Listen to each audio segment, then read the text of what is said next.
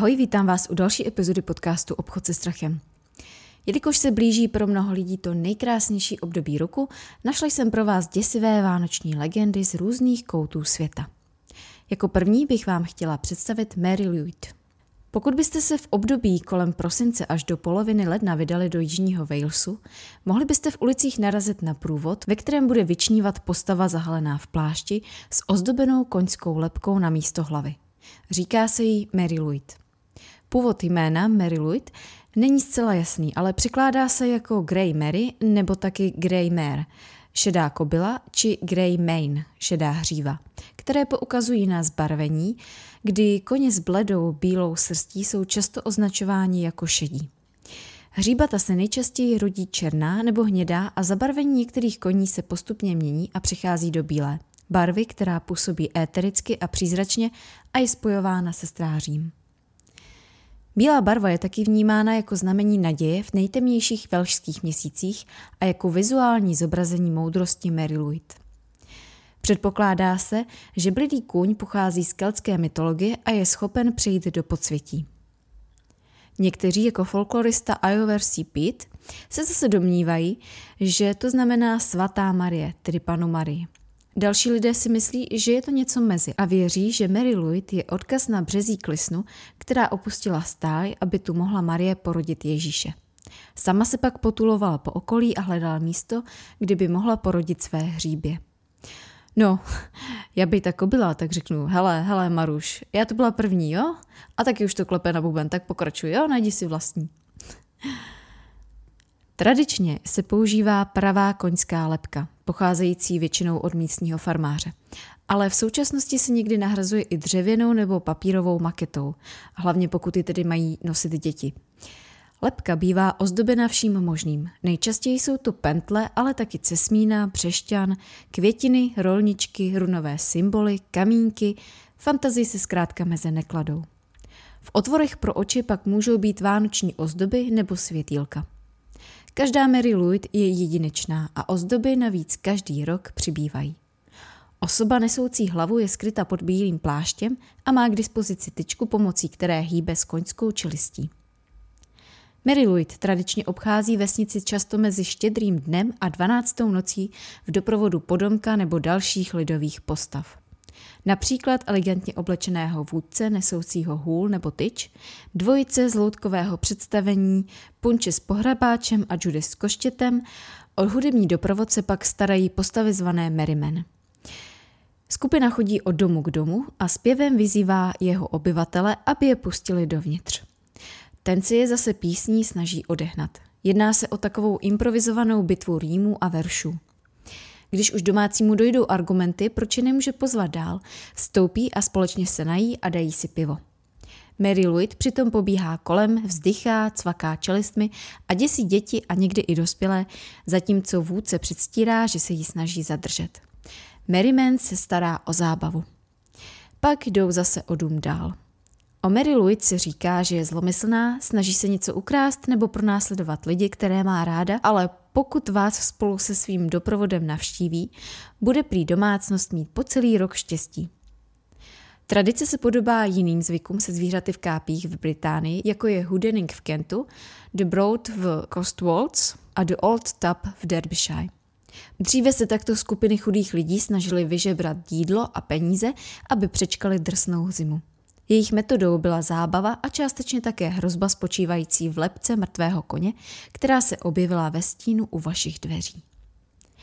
První zaznamenaná zmínka o Mary Louise pochází z roku 1800 z knihy J. Evance, nazvané Cesta po části severního Walesu. Nicméně je ve skutečnosti více spojena s jižním Walesem a městy jako Glamorgan a Gwent.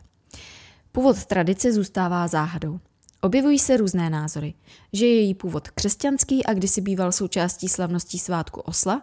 V takovém případě měla Mary Louise představovat Osla právě, na kterém Marie jezdila. Nebo že se jedná o předkřesťanský zvyk, tady zas mohla být podle různých výkladů koněm smrti nebo naopak nositelem plodnosti.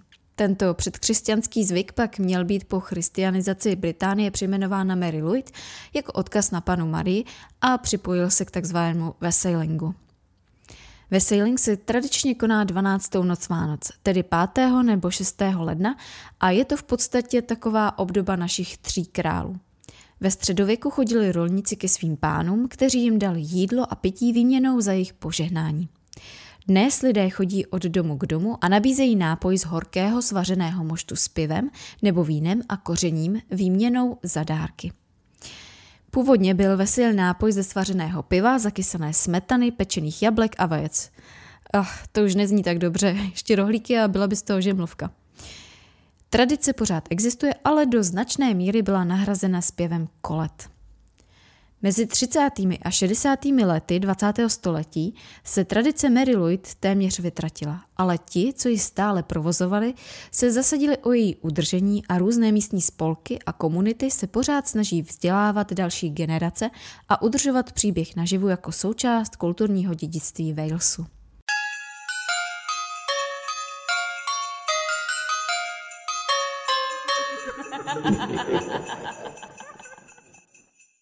Mary Louise nakonec vlastně není až tak děsivá. Koho byste se ale rozhodně bát měli, je perchta. I když popravdě existují dvě podoby perchty, jedna dobrá a druhá špatná. V německé pohanské tradici je bohyně Berchta nebo Berta ochránkyní žen a dětí. Říkalo se jí taky dáma v bílém nebo bílá paní a byla považována za alpskou sestřenici paní zimy nebo bohyně Frigy. Jako bílá paní byla spojována s břízami a dohlížela na lesy a divokou zvěř. Byla duchovním průvodcem, který odváděl mrtvé do posmrtného života. Starala si taky o takzvané Heimchen, tedy duše dětí, které zemřely ještě před křtem. Dětská úmrtnost byla v té době totiž vysoká a matky potřebovaly aspoň nějakou útěchu v tom, že o jejich dítka bude po smrti postaráno. Jedna z pověstí vypráví o ženě, která uviděla svého zesnulého synka, jak kráčí v poli spolu s dalšími dětmi. Všechny nesli džbán a šli za bíle oděnou ženou. Bílá paní překročila nízkou zeď a ostatní děti ji následovaly, ale syn té ženy se nemohl přes zítku dostat. Matka k němu přiběhla, aby ho vzala do náruče. Chlapec se na ní vřele usmál a řekl – Neplač, matko, naplníš můj džbán svými slzami a ten přeteče. S bílou paní jsem v bezpečí. Matka přestala plakat, položila si na druhou stranu zdi za ostatními dětmi a vrátila se domů, spokojená, že se o její dítě někdo postará. Na Berchtentag 6. ledna vařili ženy pro celou rodinu ovesnou kaši s rybou a vždy nechali porci právě pro Berchtu. Pokud si Berta na tomto daru pochutnala, rodina byla po zbytek roku požehnána. To byla ta dobrá Berchta. Ale pak přišla katolická církev, které se nelíbilo, že se lidé modlí k pohánské Bertě na místo k paní Marii. Zvolili si taktiku strachu. Krásnou bohyni začali malovat jako škaredou čarodějnici, přejmenovali Bertu na Perchtu a udělali z ní vůdkyni těsivých monster. Tak se zrodila Frau Perchta, čarodějnice, která se v období kolem Vánoc tradičně objevuje hlavně v alpských oblastech Německa, Rakouska, Švýcarska, ale i v Severní Americe. Bývá zobrazována se zobákovitým nosem vyrobeným ze železa, oblečená je v hadrech, někdy chodí z holí, má rozpláclou nohu a obecně připomíná sešlou starou babiznu. Je ale mnohem nebezpečnější, než by se mohla zdát. Pod sukní totiž nosí dlouhý nůž. Připomíná i skandinávskou bohyni Frigu, se kterou sdílí společnou posedlost, předení a taky si obě potrpí na pořádek. Stejně jako moje babička. Na rozdíl od mojí babičky vás ale postrestá, namísto toho, aby ten binec uklidila za vás. Takže když vás přijde perchta navštívit, během 12 dnů od Vánoc do zjevení páně, obvykle 12. noc, měli byste mít raději naklizeno, všechen svůj len předný v nítě a začít kát – opačném případě vás perchta za vaši lenost vykuchá svým dlouhým nožem a nahradí vaše vnitřnosti kameny a slámou. V lehčí variantě vám jen pošlape nebo zapálí nedopředené nítě. Taky nerada vidí, když děti lžou. To jim pak vyškrábe oči sklem. Podle jiných legend se Perchta účastní divokého honu, kdy létá noční oblohou v doprovodu armády ztracených duší, včetně démonicky vyhlížejících Perchten – její armády služebníků, kteří jsou k nerozeznání od Krampusu. Mimochodem, Perchta bývá považována za ženu Krampose, ale není to tak. Perchta je totiž silná, nezávislá žena, jak jste si určitě už povšimli. Mezi její armádou noci jsou také duše nepokřtěných dětí. Objevují se během posledních tří čtvrtků před Vánoci, známých také jako Berchtelské noci nebo Nakin Nights. Legenda říká, že když za berchltských nocí uslyšíte vítr a hromy, je to perchta, která vede divoký hon. U nás zase máme perechtu, nebo peruchtu, šperechtu, parichtu, záleží podle oblasti která kochá bříška dětem nedodržujícím půst nebo které se nechtějí modlit. Perechty chodívaly po svaté Lucii většinou dvě, ale i víc a mývaly různé děsivé masky, často připomínající zvířecí hlavu s velikými zuby a vyplazeným jazykem a nosívali nůž a džber na krev nebo vnitřnosti. Podobným strašákem, který děsil děti v kojetíně na Hané, je postava zvaná žber, která je celá pokrytá koudelí a místo hlavy má obrácený džber. Kuchá zlobivé děti a vycpává bříška koudelí. Za týden se potom vrací pro jejich mrtvolky. Taky můžete znát Perchtu z Ružmberka, šlechtičnu žijící ve 14. století, která ovšem s touhle vánoční perchtou krom jména nemá vůbec nic společného. Pokud mě poslouchají nějací hráči, tak při hledání informací o Perchtě na internetu na mě vyskočila hra střílečka Hunt Showdown, ke které vyšlo DLC Frau Perchta, takže můžete řádit jako paní Perchta a vypadá to fakt pěkně, co jsem koukala, aspoň teda vizuálně.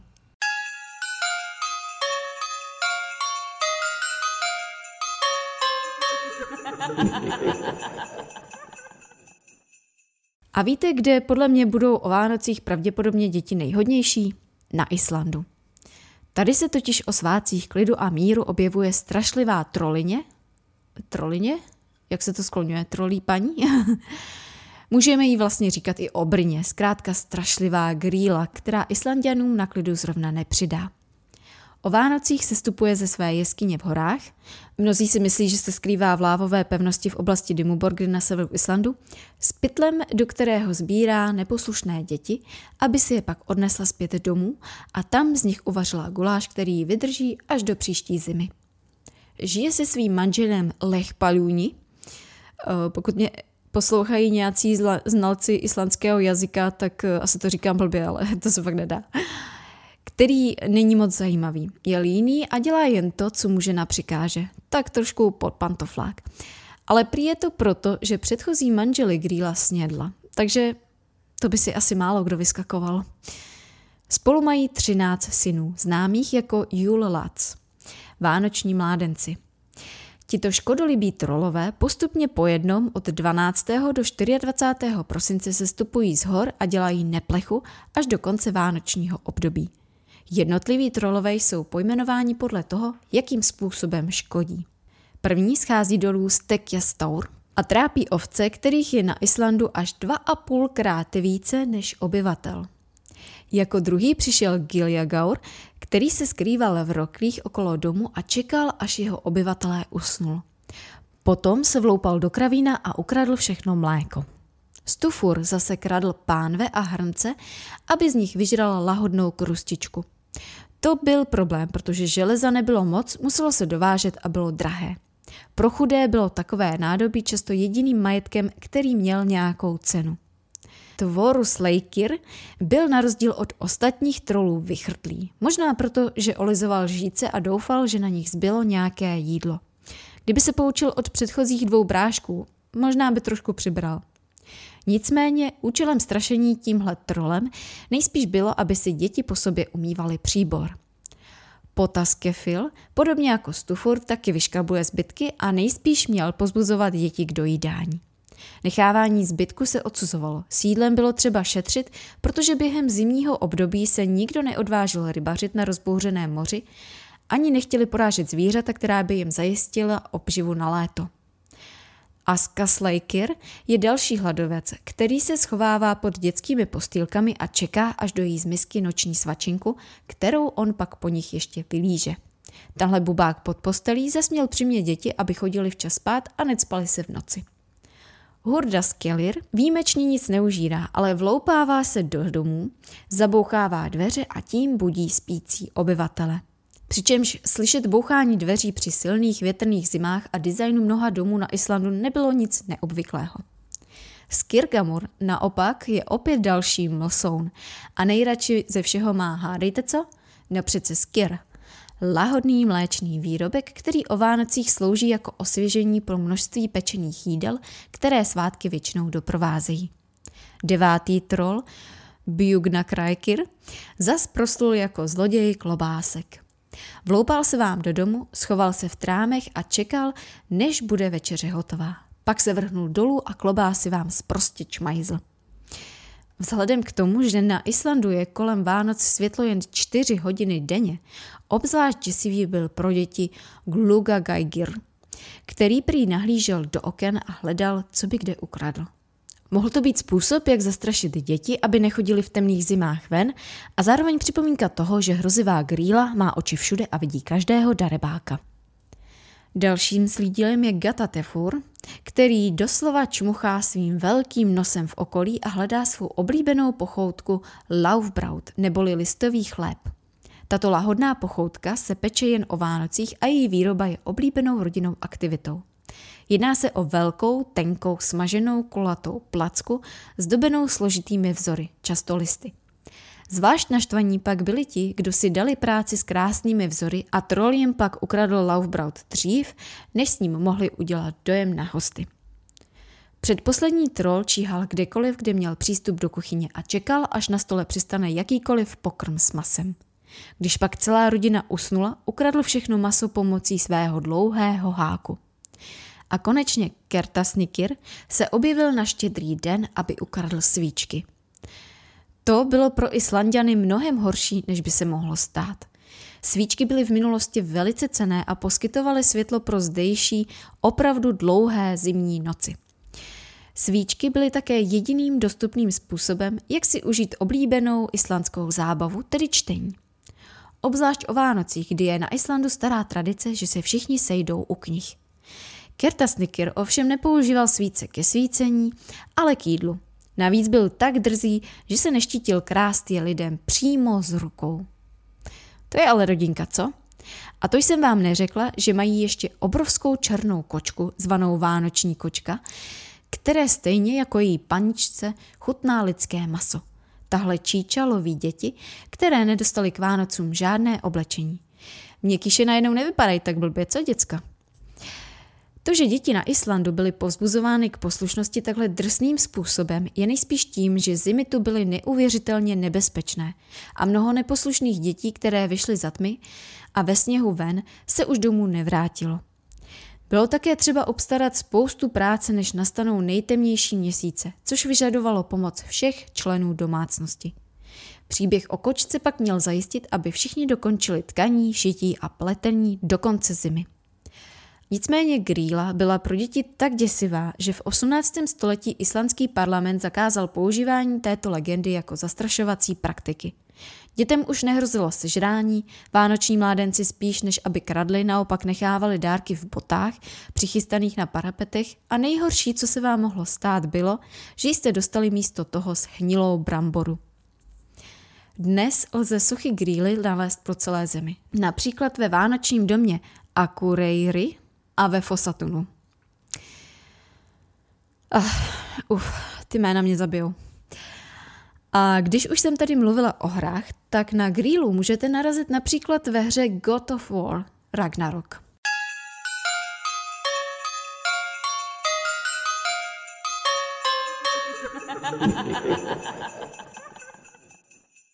Další, kdo miluje děti na talíři, je francouzský strašák Hans Trapp.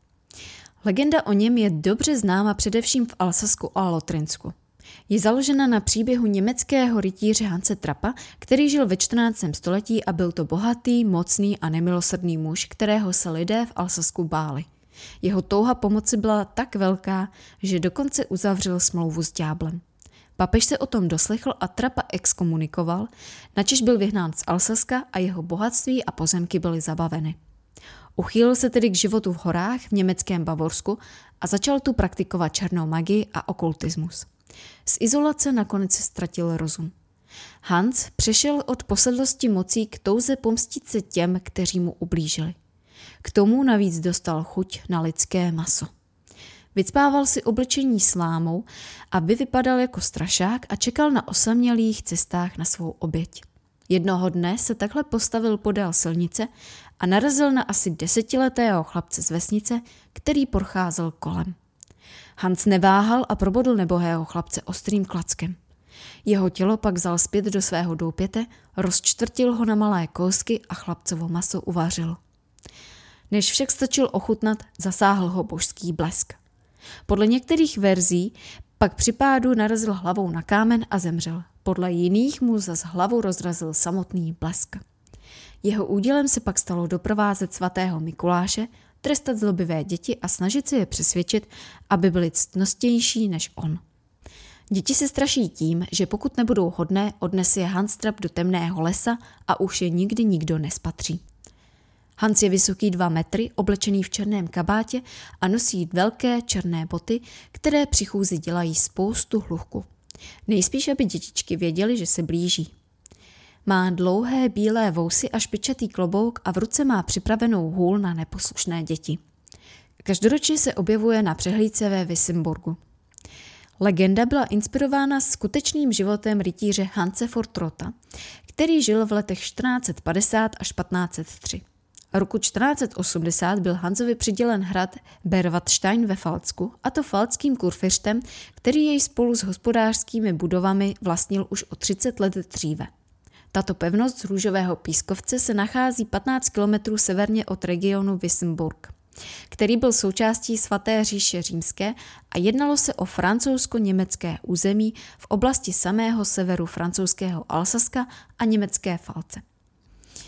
Tento hrad se pak stal předmětem Hanzova sporu s opatem z Wissemburgu, který měl za to, že kurfiřská Pfalz získala Berwardstein neoprávněně, protože jej původně chtěli umístit pouze pod ochranu kurfiřta. Opat se proto obrátil na kurfiřta v Heidelbergu. Ten ovšem rozhodl ve prospěch Hanze Fortrota. Když spor s klášterem vyvrcholil, nechal Hans přehradit nedalekou řeku Wieslauter a připravil tak město Wissenburg po proudu řeky o zásobování vodou. A když si opat stěžoval, nechal ze přehradu zničit a ta pak zaplavila domy a podniky vesničanů a povodeň město ekonomicky zdevastovala. Spor pokračoval a zoufalý opat se obrátil na papeže Inocence VIII. Svého ale dosáhl až o 8 let později u papeže Alexandra VI., který předvolal Hanze ke svému dvoru, aby se spovídal ohledně své lojality k církvi. Fontrota se ale odmítl zúčastnit a místo toho poslal papeži dopis, kde na jednu stranu zdůrazňoval, že je dobrý křesťan a na stranu druhou obvinoval papeže z nečistých a nemravných činů. Nakonec to skončilo rytířovou exkomunikací. I přesto si Fontrota vedl dobře. Když sloužil na francouzském královském dvoře, vysloužil si dokonce od krále Ludvíka XII. rytířský řád Zlatého rouna. Po jeho smrti pak byla všechna obvinění proti němu stažena.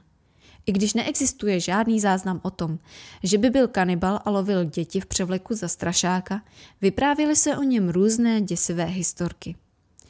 Místní legendy o něm hovořily jako o černém rytíři, hrozivém strašidle a někdy se také říkalo, že doprovází svatého Mikuláše a trestá děti, které zlobily.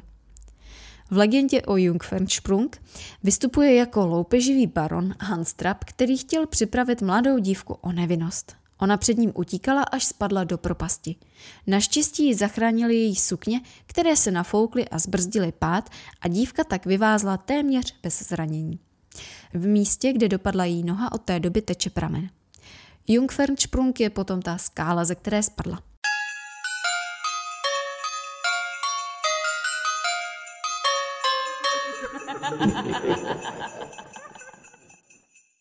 Z Francie se přesuneme do Řecka, které o Vánocích sužují tvorové zvaní Kalikanzaros. Tato nadpřirozená stvoření sídlí v podsvětí a po celý rok tu podřezávají kmen stromu, který drží svět pohromadě a možná tvoří i most mezi naším světem a podsvětím. Pak 25. prosince, nejspíš mají taky nárok na dovču, odtud vylézají a mohou se volně pohybovat po našem světě až do 6. ledna, kdy řečtí kněží žehnají domům svěcenou vodou. Tehdy utíkají zpět do nejbližších jeskyní, tunelů a děr, aby se zase vrátili pod zem a pokračovali v kácení stromu života, který se za dobu jejich nepřítomnosti sám uzdravil. Tyto bytosti jsou podobné trolům a goblinům. Jsou zobrazováni poměrně různorodě. Někde jako napůl lidé, napůl zvířecí stvoření s černou kůží, velkými zuby, drápy, rohy, kopity a jinými zvířecími rysy. Jinde jako malí, zelení nebo černí elfové nebo skřeti. Obvykle jsou chlupatí a páchnou. Většinou jsou slepí, dorozumívají se hvízdáním, jedí hmyz, hady, myši a schnilé ovoce. Pohrdají lidstvem a podle některých jsou to přisluhovači ďábla. Nesmí chodit po povrchu země, kromě právě 12 dnů Vánoc, kterému se v Řecku říká Dodekaimero. Tohle období nad zemí pak tráví tím, že obtěžují lidi, ničí nábytek, kradou, hasí oheň v kamnech nebo močí na zásoby potravin. Pokud vás uvidí v noci chodit samotné, mohli by vás chytit za paži a donutit vás s nimi tančit, dokud neomdlíte. Do domovů se dostávají okny, komíny, klíčovými dírkami nebo dokonce škvírami ve dveřích. Aby se před nimi chránili, hospodinky vždy udržují krb v ohni a zavírají okna a dveře, když padne noc, nebo nechávají jídlo na svých střechách a na prahu, aby je uplatili a udrželi je mimo domov. Taky prý mohlo pomoci nechat před dveřmi cedník, protože tito tvorové umějí počítat pouze do dvou – jelikož trojka je svaté číslo. A když začali počítat dírky v cedníku, strávili nad tím celou noc a ráno se museli schovat před sluncem. Nejlíp na ně ale platí oheň, náboženské symboly a svěcená voda, kterých se tyto bezbožné bytosti bojí. Údajně mají jakéhosi bose, kterého nazývají matkou. Ta jim dává rozkazy, komu mají působit potíže. Trošku tady vidím podobnost s islandskou legendou o Grýle a Julac. Podle legendy každému dítěti narozenému během 12 dnů Vánoc hrozilo, že se během každého vánočního období počínaje dospělostí promění v Kalikanzars. Měl to být trest za to, že bylo počato 25. března, tedy na svátek zvěstování. Aby se tomu zabránilo, mohlo se dítě zabalit do česneku nebo slámy nebo mu opálit nechty na nohou. Teď jsem si vzpomněla na jednu svou nadřízenou, která byla jednou nachlazená a léčila se česnekem, ale jakože důkladně. Ten česnekový odér se za ní pak táhl celou dlouhou chodbu, takže si dokážu představit, jak by to miminko zabalené do česneku muselo chudák smrdět. Někteří lidé zase věří, že Kalikanza rozbývali lidé, kteří nebyli nikdy pokřtěni nebo se dopustili zločinů, které je proměnili v monstra. Původ legendy není jasný. Podle Nikolaose Politise Otce řeckých folkloristických studií mohli Kalikanzaroj odkazovat na to, jak první křesťané popisovali pohanské návštěvníky karnevalu, kteří se často převlékali za zvířata a vyhledávali potíže. Někteří archeologové vidí souvislost se starověkou řeckou vírou, že během Dodekaimera mohli navštívit povrch země duše mrtvých. Zahraniční historici a archeologové nalezají spojitost mezi novořeckou legendou o Kalikanzaros a starořeckým mýtem o satyrech. No tak si povíme něco o satyrech ještě. Satyr je podle řecké mytologie synem boha Herma. Satyrové jsou zařazováni mezi polhopohy nebo horské a lesní démony. Jsou to průvodci boha vína Dionýza a také členové družin boha Pana. Bývají i pastýři stát. Jsou zobrazováni jako napůl člověk a napůl kozel s kučeravými vlasy, špičatýma ušima, tupým nosem, růžky, oháňkou a kozlýma nohama. Pohybují se ve skupinách, jsou veselí, milují víno i všelijaké jiné požitky, jsou prostopášní, pronásledují nymfy, tančí a hrají zejména na flétnu, syrinx nebo dudy. V mytologii jsou většinou stotožňováni s mužskou sexuální silou a často jsou zobrazováni s erekcí. Tak co, setkali jste se s některou z těchto vánočních tradic a která se vám líbí nejvíc? Napište mi komentář. Na příští jsem si pro vás připravila opět svůj příběh vánoční, který je upozorňuji smyšlený. A potom si dám takové malé vánoční prázdniny, takže mě uslyšíte zase až v novém roce. Tak se mějte krásně, nebojte se bát a ahoj.